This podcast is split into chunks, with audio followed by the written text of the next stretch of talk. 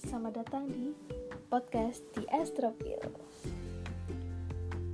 Nah, karena ini adalah podcast pertama di Astropil, jadi pertamanya kita akan bahas tentang apa sih Astropil, apa sih Astro, apa sih Pil. Oke, langsung aja ke apa itu Astropil. Astropil adalah suatu istilah untuk mendefinisikan seseorang yang menyukai langit, bintang, dan segala bentuk tentang astronomi. Terus, emang cuma bintang aja ya?